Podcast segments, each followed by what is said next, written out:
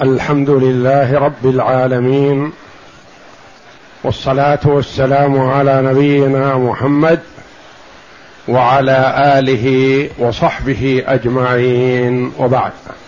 قال المؤلف رحمه الله تعالى وتارة يأخذ ثلث باب الجد والإخوة. باب ميراث الجد والإخوة. باب الجد والإخوة. عرفنا فيما سبق أن لتوريث الإخوة على الشقة أو لأب مع الجد مذهبان للعلماء رحمهم الله من زمن الصحابة رضي الله عنهم إلى يومنا هذا. فمن العلماء من يحجب الإخوة الأشقة أو لأب بالجد كما يحجبهم بالأب. وأما حجب الإخوة لأم بالجد فهذا محل وفاق. لكن الخلاف في حجب الإخوة الأشقة أو لأب بالجد. فمن العلماء من يحجبهم يحجب الأخوة بالجد فيجعل الأب الجد بمنزلة الأب. ولا يورث الإخوة معه. وهذا قول أبي بكر الصديق رضي الله عنه وجمع من الصحابة رضي الله عنهم. وقال به أبو حنيفة ورواية عن الإمام أحمد وجمع من علماء التابعين فمن بعدهم.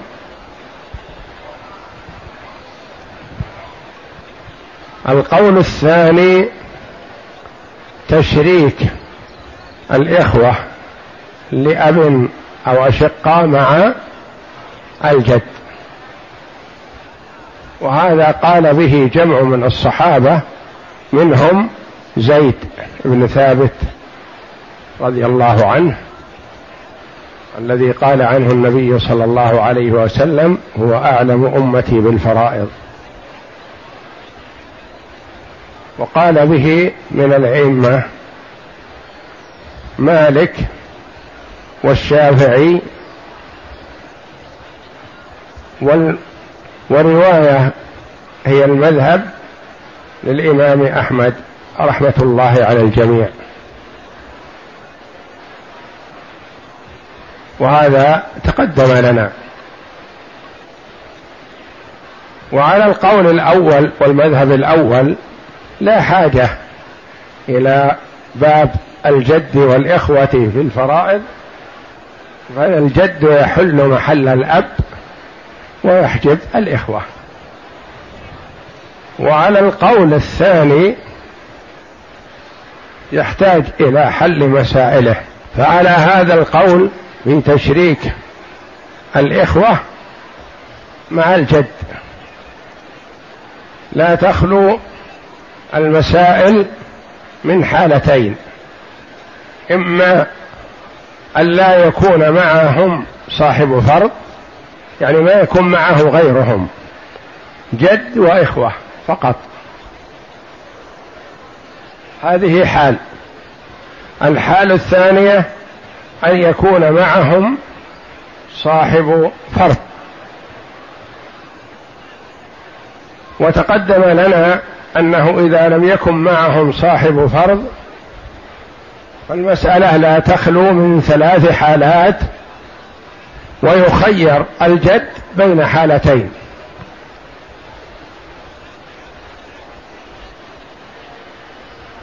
إما أن يكونوا الإخوة أقل من مثليه أو أكثر من مثليه أو يكون مثليه.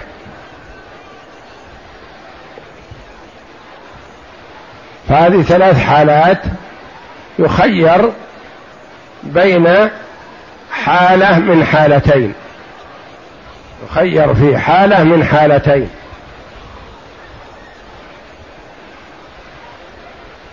فإذا كانوا ما هذه كيف يخير؟ يخير بين ثلث المال. أو المقاسمة. بين ثلث المال أو المقاسمة. فهو إن كانوا أقل من مثليه سيختار المقاسمة لأنها خير له. وإن كانوا أكثر من مثليه فسيختار ثلث المال لأنه خير له. وإن كانوا مثليه استوى له الأمران ما في خيار. كانوا مثليه فثلث المال والمقاسمة سواء وهذا تقدم والحمد لله. معنا اليوم فيما إذا كان مع الجد والإخوة صاحب فرض. ومن أصحاب الفروض التي يتصور أن يكونوا مع الجد والإخوة. ستة. لا يجتمعون. الزوجان والأم والجدة والبنت وبنت الإبن. الزوجان لا يجتمعان. واحد منهم. والأم والجدة لا يجتمعان. واحد منهن. والبنت وبنت الابن يجتمعان.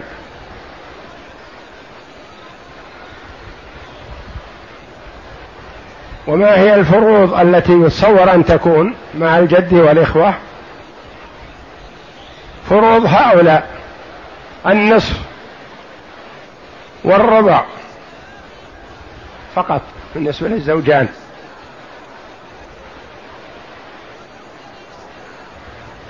والسدس والربع والسدس النصف يأخذه الزوج أو البنت. الربع تأخذه الزوجة. انه ما يأخذه الزوج إلا مع الفرع الوارث. السدس تأخذه الأم أو الجدة أو بنت الابن مع البنت. ويتصور الربع والسدس جميع. والنصف والسدس والربع والسدس. إذا إذا كان معهم صاحب فرض وهؤلاء هم الذين يتصورون أن يكونوا معهم فما هي أحوال الجد معهم؟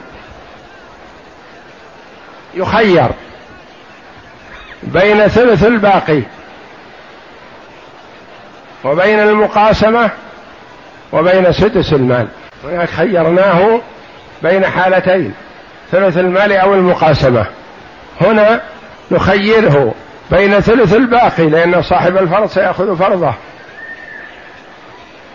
ثلث الباقي وبين المقاسمة وبين سدس المال لأنه أحيانا ما يبقى إلا سدس وأحيانا ما يبقى شيء فيفرض للجد السدس. فرضا عائلة. فهذه الأحوال التي تتأتى للجد. أحيانا يختار المقاسمة وأحيانا يختار ثلث المال ثلث الباقي ثلث الباقي لا ثلث المال كله. وأحيانا يختار السدس لأن ثلث الباقي ما يبقى إلا سدس فيكون ثلث السدس. ويأخذ السدس. الأحظ له من هذه الأحوال الثلاثة يأخذه. وهذه تتأتى بسبعة سبع حالات سبع صور. من حال ثلث الباقي وحال المقاسمة وحال سدس المال وأربع حالات في الاشتراك. يستوي له كذا مع كذا ويستوي كذا مع كذا ويستوي كذا مع كذا وهذا كذا. تكميل لأربع حالات مع ثلاث يكون سبع حالات. يقول الشيخ عبد العزيز بن باز رحمه الله في الفوائد الجلية في المباحث الفرضية وأما إن كان معهم يعني مع الجد والإخوة. صاحب فرض فأكثر يعني فرض أو فرضين.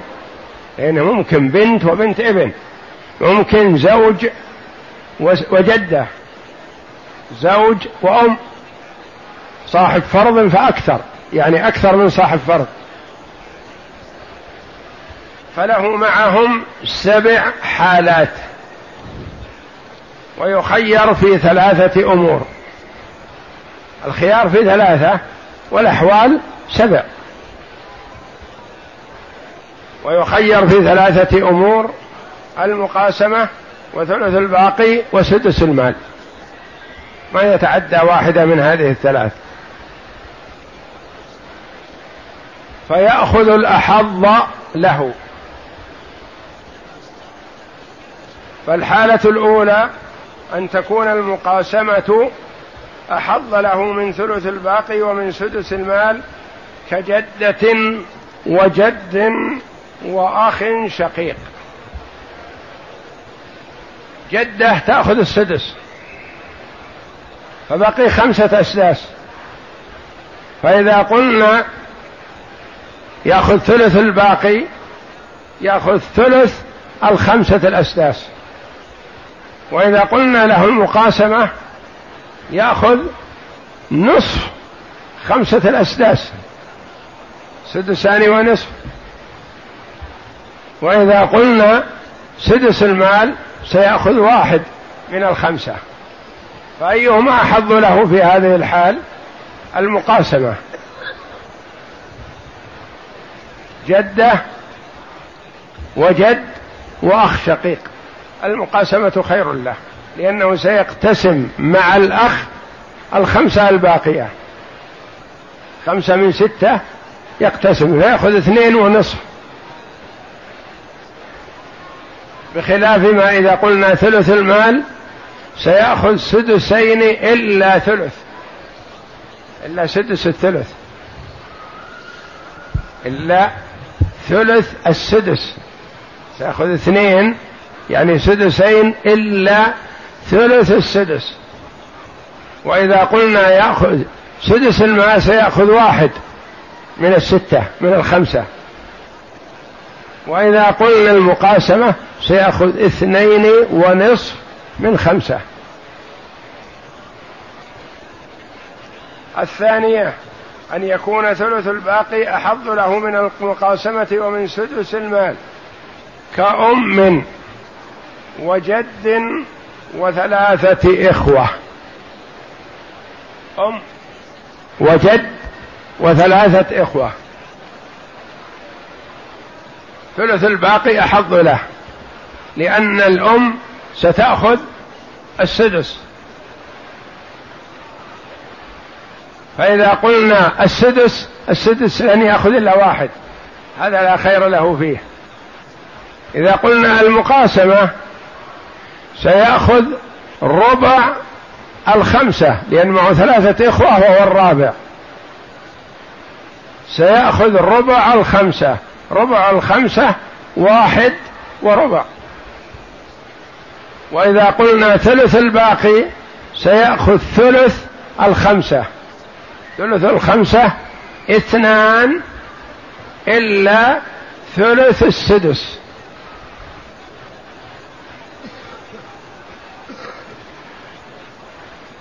سيأخذ ثلث الخمسة. فثلث الخمسة خير له من ربع الخمسة وخير له من واحد من الخمسة السدس. هنا في هذه الحال يكون الأحظ له ثلث الباقي. الثالثة أن يكون سدس المال أحظ له من المقاسمة ومن ثلث الباقي. كزوج وجد وجده وأخوين لغير أم. أخوين أشقاء أو لأب. زوج. لأن المسألة من ستة. زوج سيأخذ كم؟ ثلاثة. نصف. والجدة ستأخذ السدس واحد. يبقى كم؟ سدسان. فقط. فإذا قلنا المقاسمة سيأخذ ثلثي ثلث السدسين لأن معه أخوان. وإذا قلنا ثلث الباقي كذلك سيأخذ ثلث السدسين. وإذا قلنا سدس المال سيأخذ واحد كامل أبرك له. فيكون سدس المال خير له من المقاسمة ومن ثلث الباقي. هذه الحالات الثلاث التي يكون الأحظ له واحد من هذه الأمور الثلاثة. يكون أحظ له المقاسمة ثلث الباقي سدس المال ثلاث. وأربع يستوي له كذا وكذا. الرابعة أن تستوي له المقاسمة وثلث الباقي. ويكونان أحظ له من سدس المال.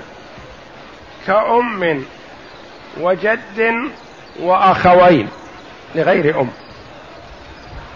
كأم وجد وأخوين. للأم السدس. كم بقي؟ بقي خمسة. وعندنا أخوين وجد.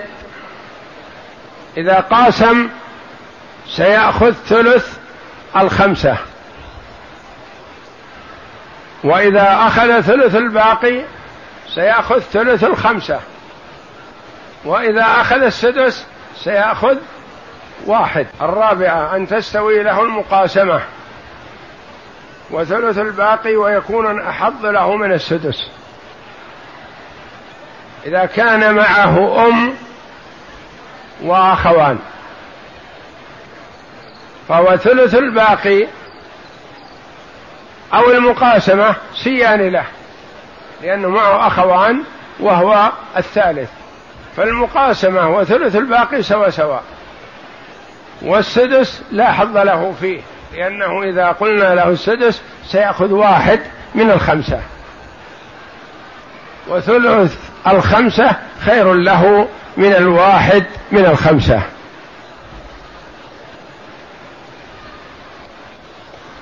الخامسة أن تستوي له المقاسمة وسدس المال ويكونان أحظ له من ثلث الباقي.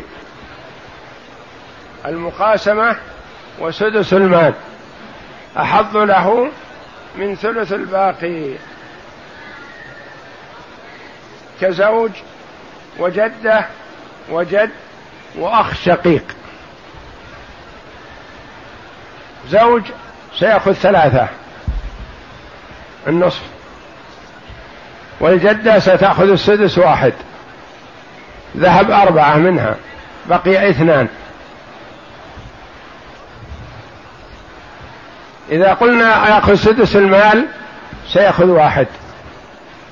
إذا قلنا المقاسمة سيأخذ واحد. إذا قلنا ثلث الباقي سيأخذ واحد إلا ثلث. ينقص.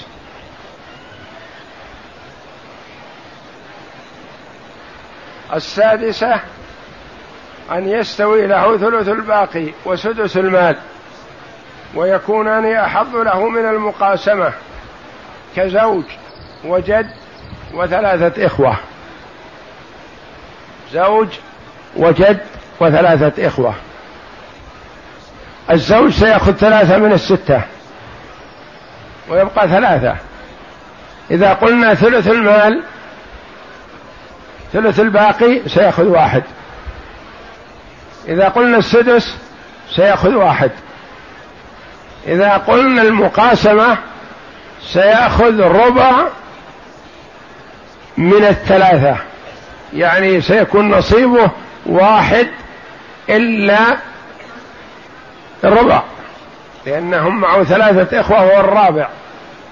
تقسم الثلاثة الباقية بين أربعة. تقسم الثلاثة الباقية بين أربعة لأن ثلاثة أخوة وهو. فثلث الباقي وسدس المال يستويان له.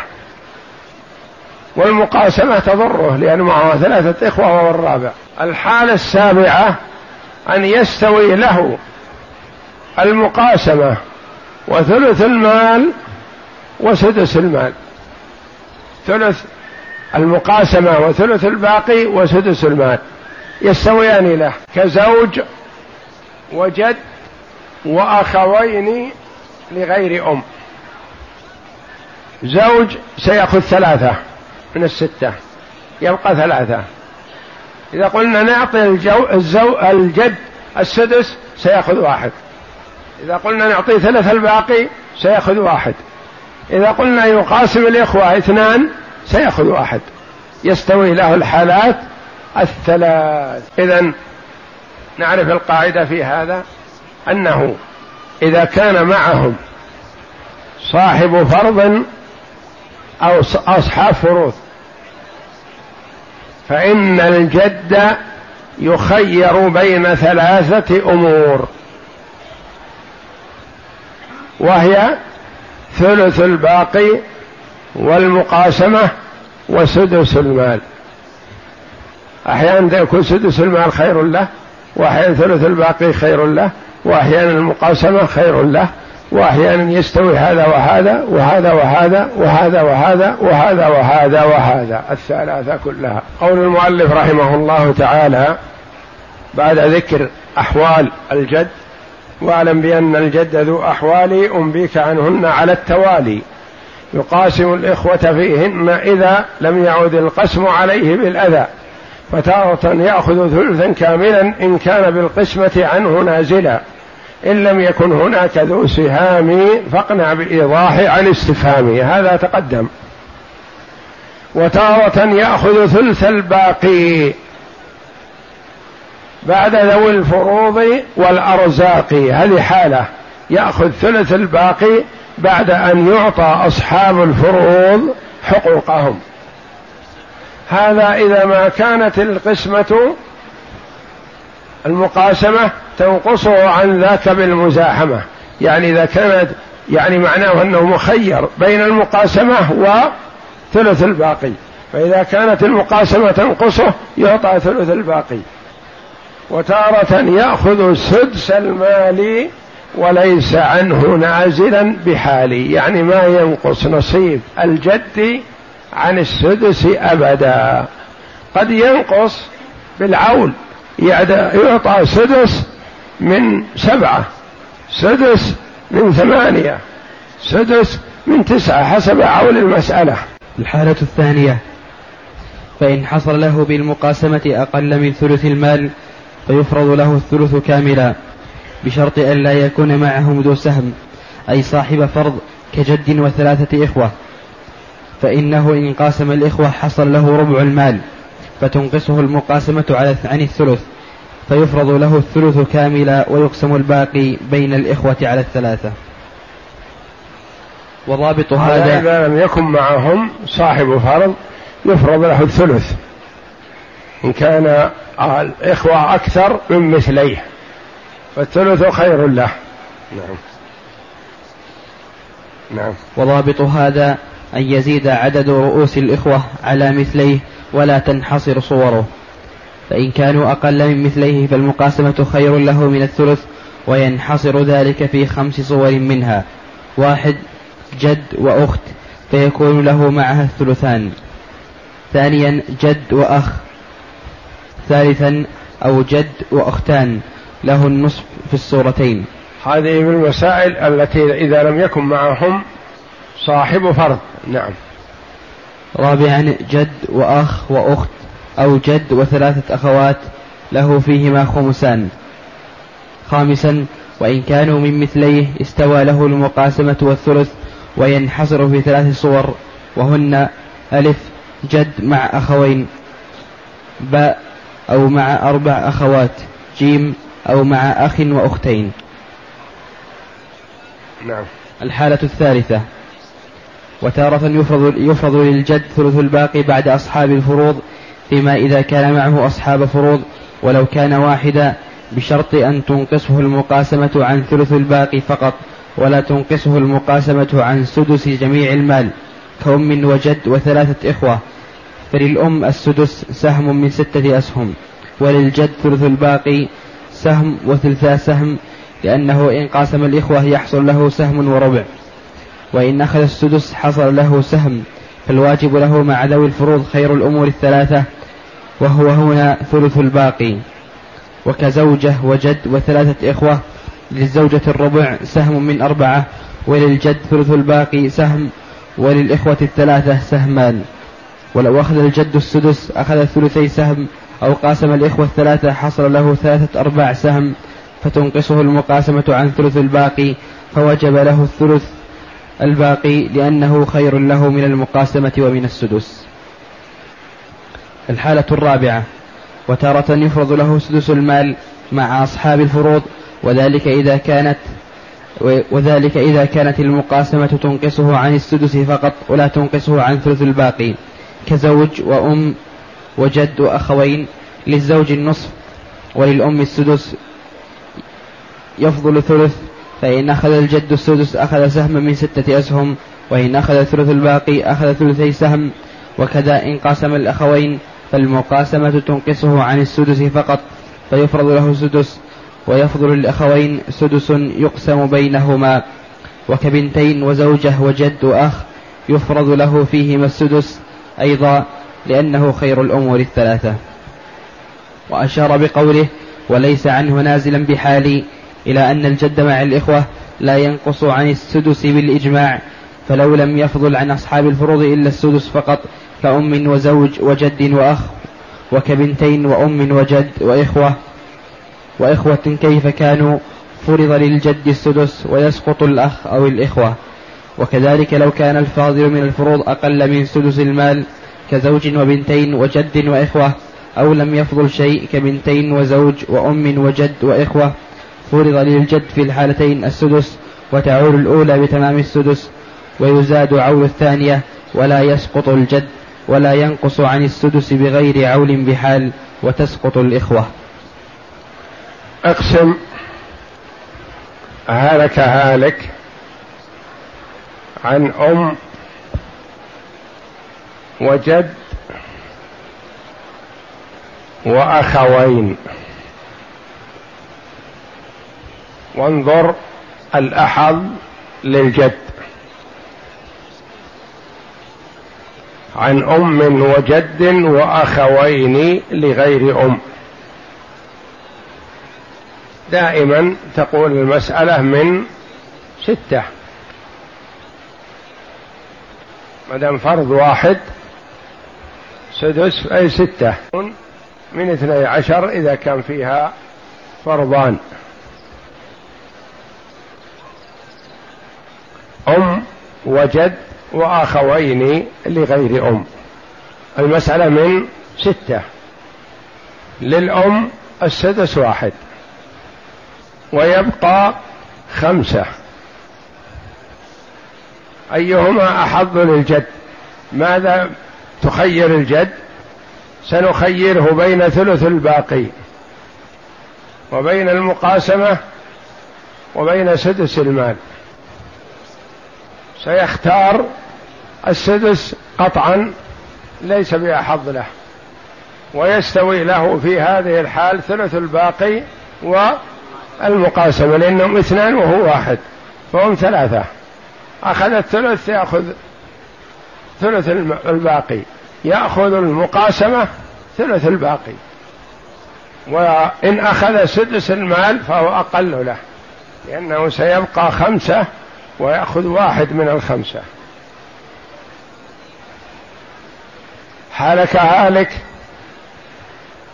عن جدة وجد وأربعة إخوة في غير أم. المسألة من ستة. للجدة السدس واحد. وينظر بالنسبة لل... للجد. أيهما أحظ له؟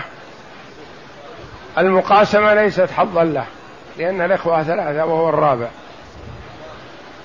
وثلث الباقي والسدس إذا أخذ ثلث الباقي من خمسة فهو أحظ له من سدس المال. هلك هالك عن زوج وجد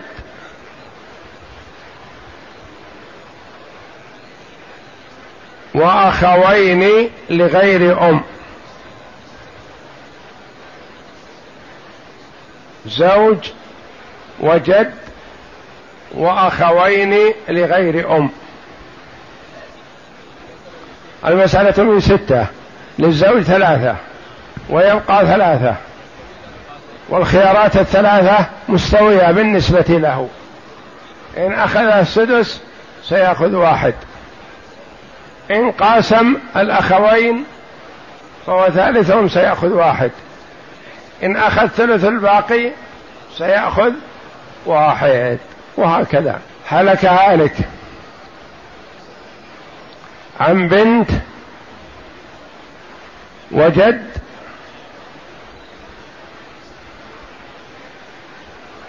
وأخوين لغير أم.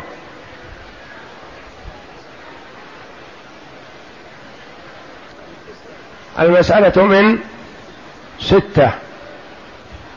للبنت النصف ثلاثة ويبقى ثلاثة ويستوي للجد ثلث الباقي والمقاسمة وسدس المال لأنه لن يتعدى نصيب واحد من الثلاثة. هلك هالك عن بنت ابن وجد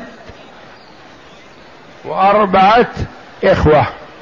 لغير أم. المسألة من ستة. للبنت النص ثلاثة. ويستوي للجد ثلث الباقي وسدس المال دون المقاسمة فهي تضره. لأنه إن قاسم أخذ واحد من أربعة من الثلاثة. أقل. وإن أخذ السدس أخذ واحد وإن أخذ ثلث الباقي أخذ واحد. فالمقاسمة تضره. وثلث المال ثلث الباقي وسدس المال يستويان في حقه هلك هالك. عن بنت وبنت ابن وجد وأربعة إخوة. المسألة من؟ ستة. للبنت النص ثلاثة. ولبنت الابن السدس تكملة الثلثين. ويبقى اثنان. أيهما الأحظ للجد؟ سدس المال. لأنه إن أخذ سدس المال أخذ واحد. وإن أخذ ثلث الباقي أخذ واحد إلا ثلث. وإن قاسم أخذ أقل وأقل. فإذا سدس المال خير له وهكذا. ويحسن بالطالب أن يصور مسائل ويقسمها. والله أعلم. وصلى الله وسلم وبارك على عبده ورسول نبينا محمد وعلى آله وصحبه أجمعين.